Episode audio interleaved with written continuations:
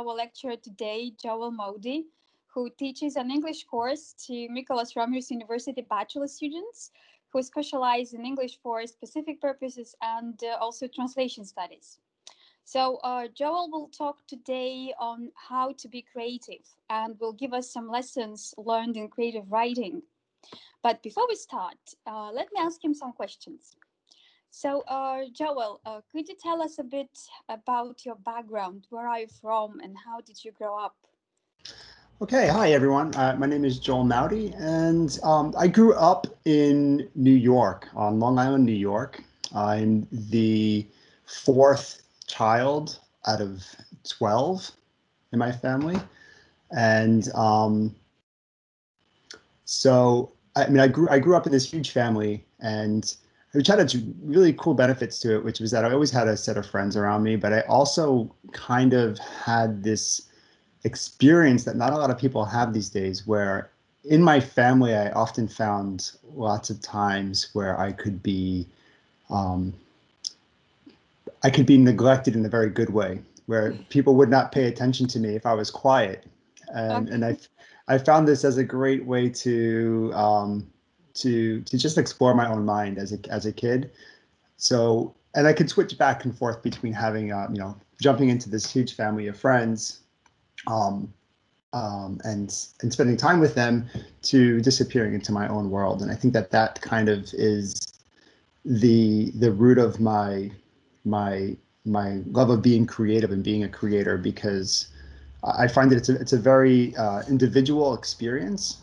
and um, that's that's where I, I I always kind of felt I felt myself as a kind of an artist in that sense until I got to school, which which is another story.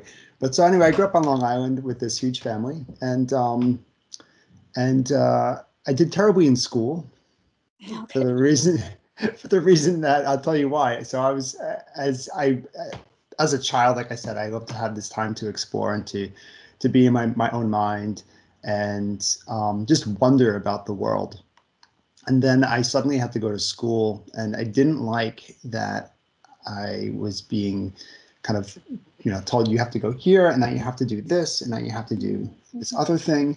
And so I didn't really take well to it. I had a very difficult first bunch of years at school, and then I had a very difficult middle school years. And then I went to high school, and I got kicked out of high school two times, and I had to go to a special high school for bad kids. Are you surprised to learn all this, Lyudmila? Really? you uh, you hired me. But that's that was that was that was my growing up experience. Um, so it was really really big, loving family, but also a, a struggle, um, like a propensity to be creative, and I, I was a slow learner as well. I didn't. Um, I had to do special reading classes as a kid, and it's not because I I not intelligent, it's because as a child, I was not interested in reading. I was not mm-hmm. interested in um, going, you know, listening to what my teachers had to teach me. Later, I was when I decided I wanted to go to university, um, which was again another struggle in my life because I'd done really terribly all through school.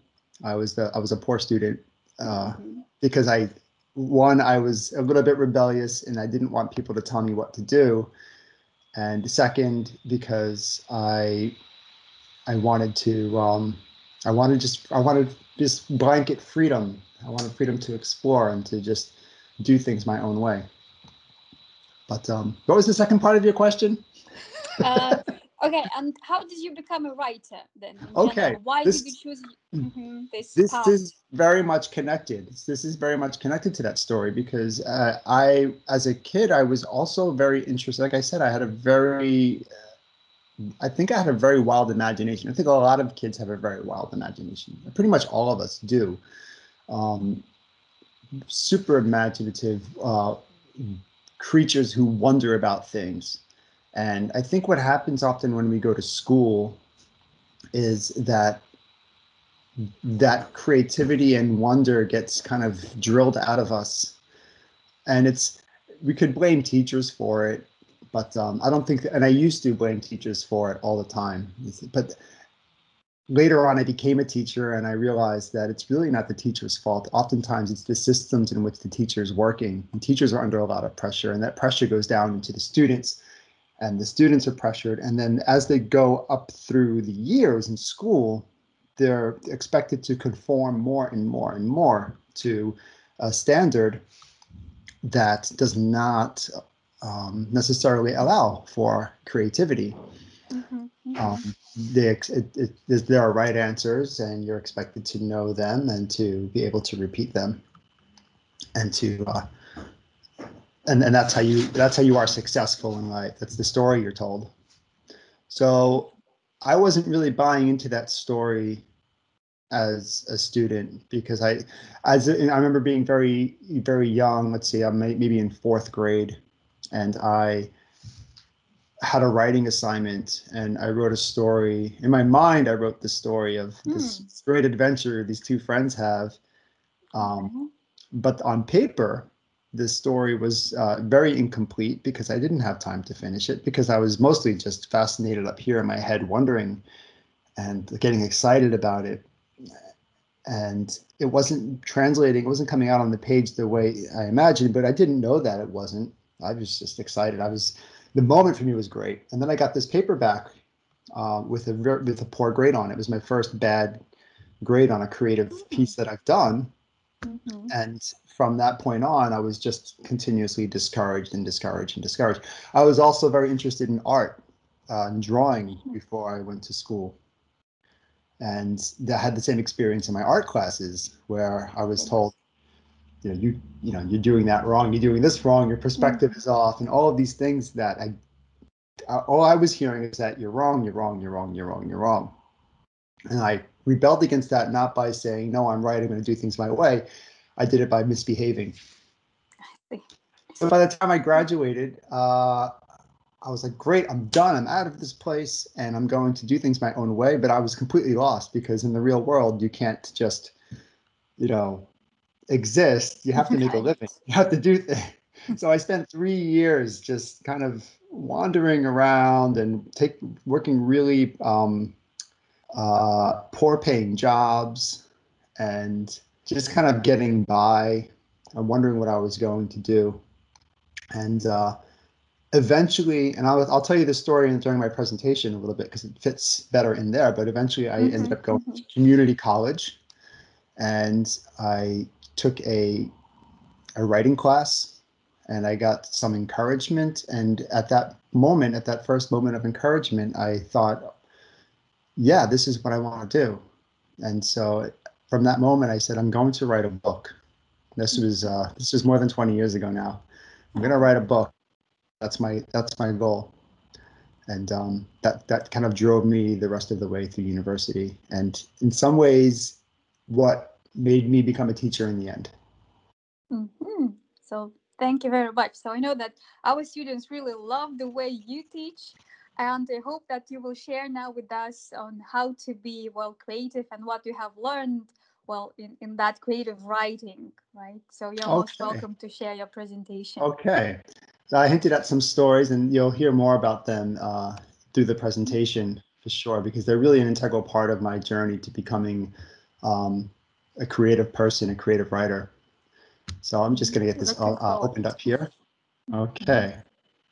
So um, now I'm I'm a very I, I consider myself a creative person, but I'm not super super uh, uh, skilled at PowerPoint. But we're going to see what happens when I do this. Uh, I try to keep it simple.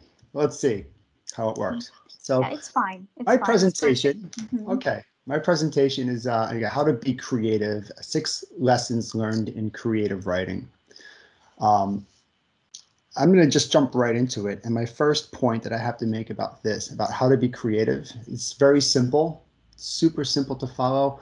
And that is to say yes. Just say yes. Um, we say no to things when we have an idea uh, in my experience, when you have an idea to do something creative, that the, the default is often to say no, and we that's because that's out of fear. You know, we're afraid to say yes to being creative because we're afraid of failure.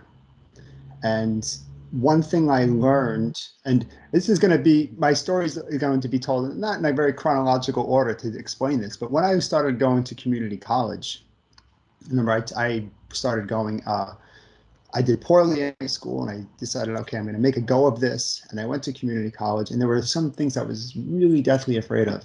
Um, I was afraid to have show any part of myself, especially afraid of public speaking. Mm-hmm. Um, and cre- public speaking is a very creative act in a lot of ways. It's a, uh, it's a performance, and I was so afraid of it that it you know it really made me scared. It made get my heart going. The idea that I would have to get up and speak publicly. But the thing was that the I, I realized at that moment, and this is connected to an experience I had earlier. I'll tell you about. But I realized in that moment that that if I'm so afraid, it's probably because there's something at stake for me. There's something big at stake for me.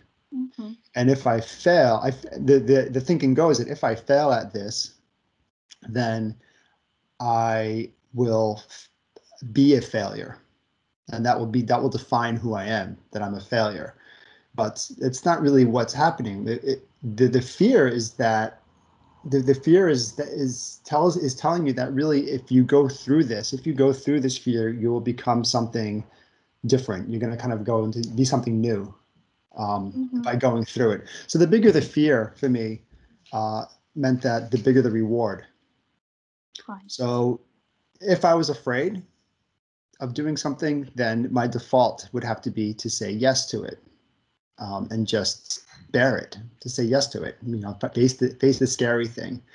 Um, but sometimes now it, it, practically it doesn't always work out so let's say you have an idea let's say you want to be a writer um, you've you grew up reading fantasy series and you want to write fantasy novels um, and you get this idea uh, you, know you've been thinking about it you have a character you have a plot you have all of these great things happening in your head and you say that's it i want to i'm going to write a fantasy series. I'm going to write three books. Um, but no that's scary. I don't even know how to start. That's a big undertaking. I can't do that. Uh, do you say yes? Well you can say um, you can say yes but yes, but some you know, but coffee first sometimes. Uh, that's me every day. But sometimes it's yes, but maybe I don't have to take on such a huge undertaking at first. Uh, maybe I could, for example, just write a story about my protagonist, maybe how she discovers her powers. Um, I could, you know, do something small that would be complete. That's a step in the direction of this bigger goal that I have, this bigger creative goal. Um, so I call that like the, the yes but rule. Um, and I also do this as a teacher. I do this with with students. Oftentimes, um, I taught high school for quite a bit, and my students would often for a, an assignment, a writing assignment, or any other kind of creative assignment, a presentation. I had one rule in my um, my choices of things students could do you could do this essay, you could do this thing, you could do this third thing, and you could tell me your idea that you want to do. And I and my my my caveat was always I will say yes, um, but it might be yes but. Mm-hmm. So yes, but it has to fit this particular rule that we that we have uh, in the classroom. So I find that this idea of, of saying yes, but having the caveat of like maybe we need to alter it a little bit so that it fits. That's it's a helpful way to to conquer the fear of failure, to conquer the fear of um, facing a huge creative challenge. So that's the first rule for me. Um, to to just you know take that first step in that direction say yes and then figure out how you're going to proceed even if it's just a small small step in the direction. Okay. That's the first the first lesson in how to be creative. You have to say yes. Okay yes. You have to get over that you have to get over that that first that first that first jump. Um sometimes good I, I had a friend who said one time you know good ideas are um are cheap mm-hmm. but it's the hard work that doing it. And the hard work begins with saying yes to it, opening the document, uh, putting a title on it, writing a sentence, and then hitting save, and you've started. You know, taking the clay out, molding it on the table, you know, putting it out there, getting your supplies out. That's kind of another way, small way of saying yes. Um, just to prepare yourself to, to do it, to do the work. Okay, the second thing, the second really important thing, and this is kind of where my story really begins, is to tune out the critics, to quiet them. Uh, and this comes from, so I was telling you before about how I, I finished high school and I went out into the world and I didn't know what to do. I was kind of stuck. So one of the places I went to, uh, I had a dream. I was going to go west. I was going to pack, pack up my stuff and go west.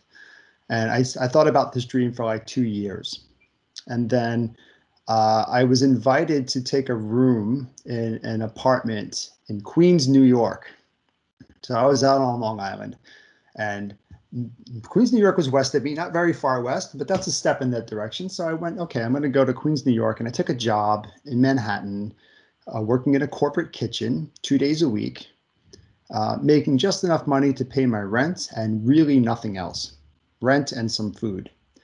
So I had no money. I was in the big city and I had, you know, I couldn't go out. So it was hard for me to even make any friends and meet people so what I ended up doing with my with my five days a week of not working is I bought some paper and I bought some pens and I bought some drawing supplies and I said I'm going to go back I'm going to start drawing again like I did when I was a kid and I started drawing uh, these pictures and as I was drawing I kept erasing things I kept erasing uh, what I was doing and this is my very first attempt to draw after a long time. And I have one page and it's just full of eraser marks and full of those little eraser beads that you get on your page and pencil smears.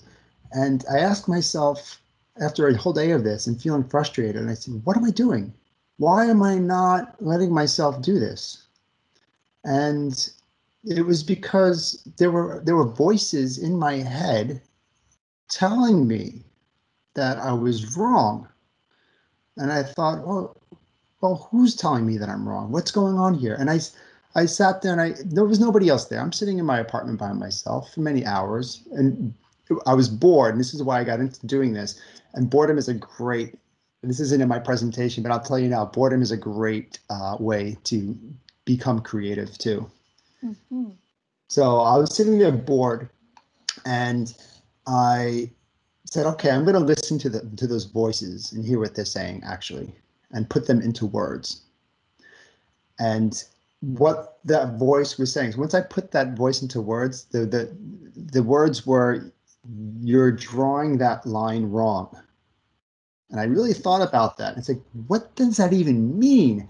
How can you draw a line wrong? Who's saying that?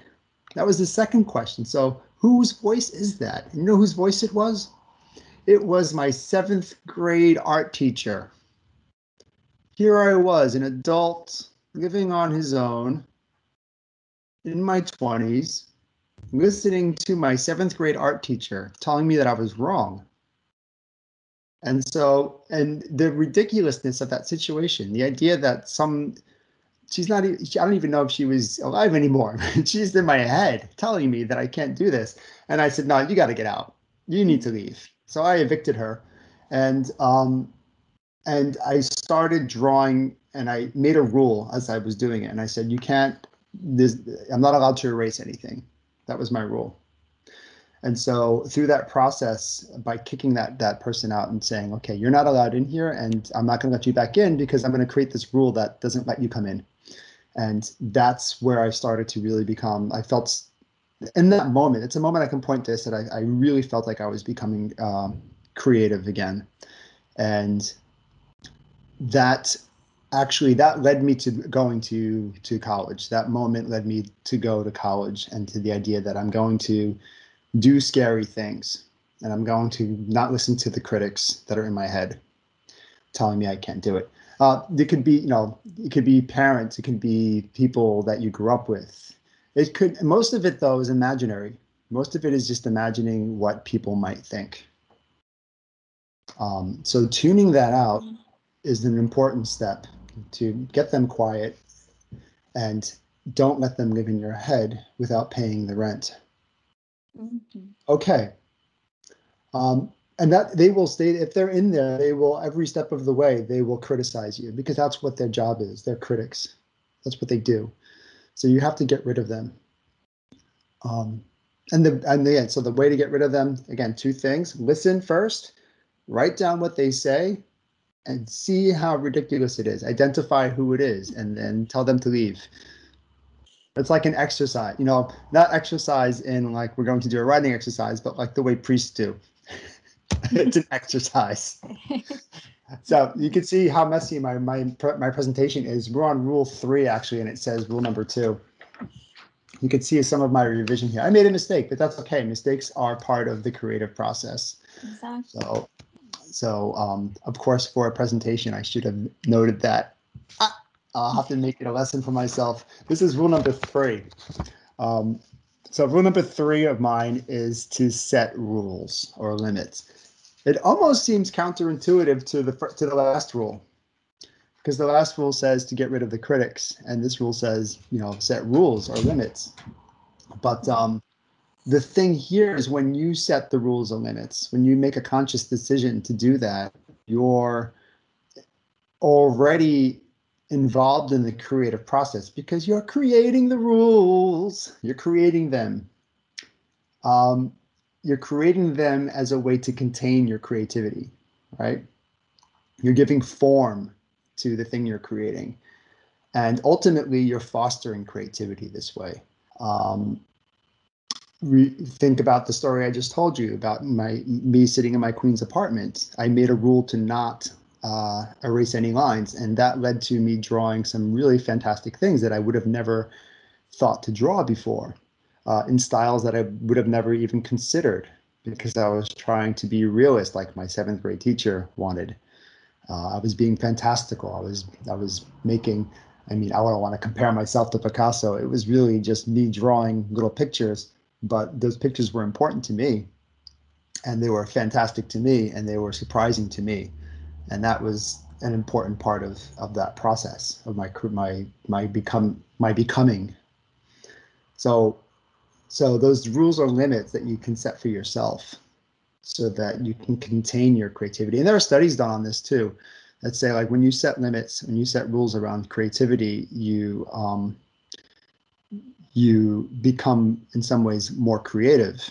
This is why some great artwork comes out of uh, places where there's censorship in place because censorship is a kind of in, imposed rule that mm-hmm. um, that you, you have to kind of work around if you want to get your your your story if you want to get some ideas out that are not sanctioned you have to find creative ways to to get to work them into the rules that are there so my my rule of not um, lifting my of not erasing lines turned into a rule of not lifting my pencil and then i had more interesting uh, i changed my style a little bit and made me um, try something different the limitations kind of give form to your creativity. So set setting rules or limits. Um, one example of this uh, that worked out really great for people. There's this thing called six word memoirs, um, and you can look you can look into this. You look it up online. I won't go too deep into it, but it's the idea is that people can write their life story in six words. Um, and this is again one of those things like say yes, yes, but let's say you wanted to write a story, you wanted to write about yourself, and you um, you can take this six word idea. So, can I do it in six words? That's not a lot.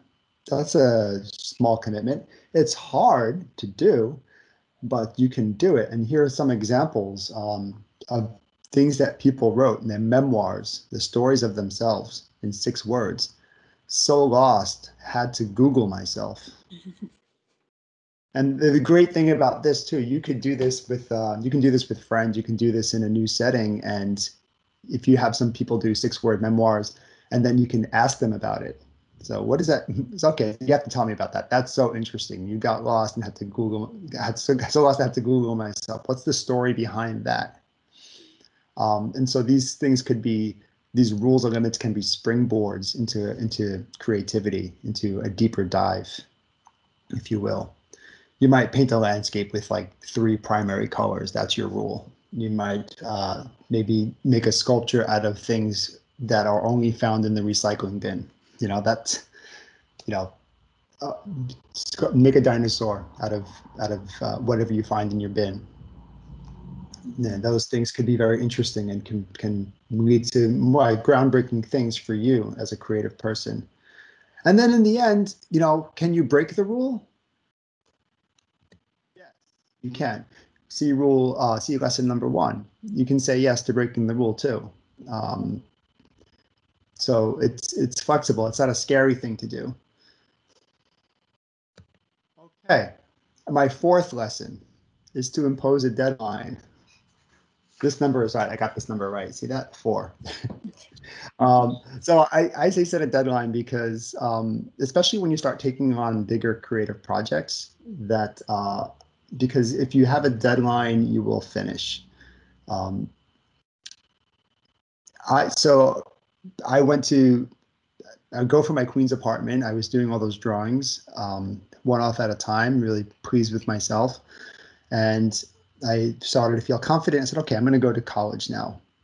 And I went to community college and I got, I my interest switched. I'm still interested in drawing, but it really switched to writing because I took a writing test when I was there and I did well. And um, I got a compliment on my writing from the professor I ended up taking classes with. And at that moment, I decided I was going to be a writer. It's like, here's something I'm good at. I'm going to do this. Um, and in college, you get deadlines. So it's great place. It's a great place to say, okay, well, I'm taking this class and it's going to make me do this thing. And I will have to complete it because there's a date that says you have to turn it in by this date. And um, that was really great for me and I had a great professor when I went to university from from my community college. I went on to a university, and my writing professor there, who became my mentor, um, he loved my stories, and he would set deadlines for me, of course, because I was in his class, and that was really good to have. The thing with deadlines, though, is they're hard to follow if you're not being held to them. So, you know, I wrote a book eventually. This was my goal when I first wrote that piece that got a compliment. I said, I'm going to be a writer. I'm going to write a book. That was the thing I said yes to. I said yes, but first I have to write stories. Maybe I have to write one good story. Um, and in the end, that goal took me 20 years to reach. And partly because, partly because I didn't always have somebody to hold me to a deadline in the end, my, my old professor from university uh, stepped in and he said, Hey, remember the stories you used to write? Um, what are you doing with them? And I kind of imposed a deadline to him. I said, Oh, I'm working on them. And can I send them to you in a couple of months at the 1st of September? He said, Yes, I'll be looking forward to them. So here was an opportunity to set a deadline for myself to finish something creative. Um, so that's the fourth rule for me, in my own experience, is to have a deadline. Um, and then you'll finish your work. You'll finish something. And uh, I know it's, it's about creative writing, but really the creative the process really is for anything. If you think about it, any any goal that you're setting for yourself, and that leads me to the fifth the fifth goal. This fifth goal is listen to the critics. So this is in contradiction, complete contradiction to my second rule, mm-hmm. uh, my second lesson, because by the time you've cre- created something, you finished it, and you put it out in the world, who did you put it out there for? You put it out there for people to enjoy. You put it out there for people to experience and to learn from. And the experiences are all going to be different. They're going to be various. Um, some people will love it. Some people will love you for it. Some people will be, you know, shocked and surprised in good and bad ways. Um, and some people will will not like it at all and that's fine. But the thing is, you want to listen to all of them. You want to hear what they have to say because listening to it, if you find somebody who's taking the time to to look at your your work and to experience the thing you've created, um, it's worth getting their reaction. It's worth getting their feedback because it might inform you as an artist, as a creator, and help you to refine your work and to to make it to make it better. Um, that doesn't mean you have to agree with everything the critics say. Um, oftentimes, the critic, the one with that with that um, sick face, all the way to the right of the screen there, um, that can be really disheartening to see and to hear. And that person might decide to live in your head, you know, just like before, just like the seventh grade art teacher. Um, and you'll have to you'll have to weed that out. You'll have to identify it and say, well, are they right? No, um, that's just their opinion, man. And then boot them out to uh, to tune them out again, right? So you have to sometimes you have to go back to the second lesson and tune out the critics. Okay, and then finally, my my last lesson in my last mini lesson in being creative is to celebrate your milestones. So all the way back in that Queens apartment when I first started drawing those pictures back in the late 20th century, let's call it. It was in the 1990s. Um, and I was drawing in my little notepad and listening to the critic and trying to get the critic to be quiet and then kind of having this breakthrough that led me to go into college, that led me to studying writing, that led me to making a small, uh, make, make me say yes to a small step that would lead to a bigger goal. Um, that all 20 years later, I reached it. 20 years later, I published my book.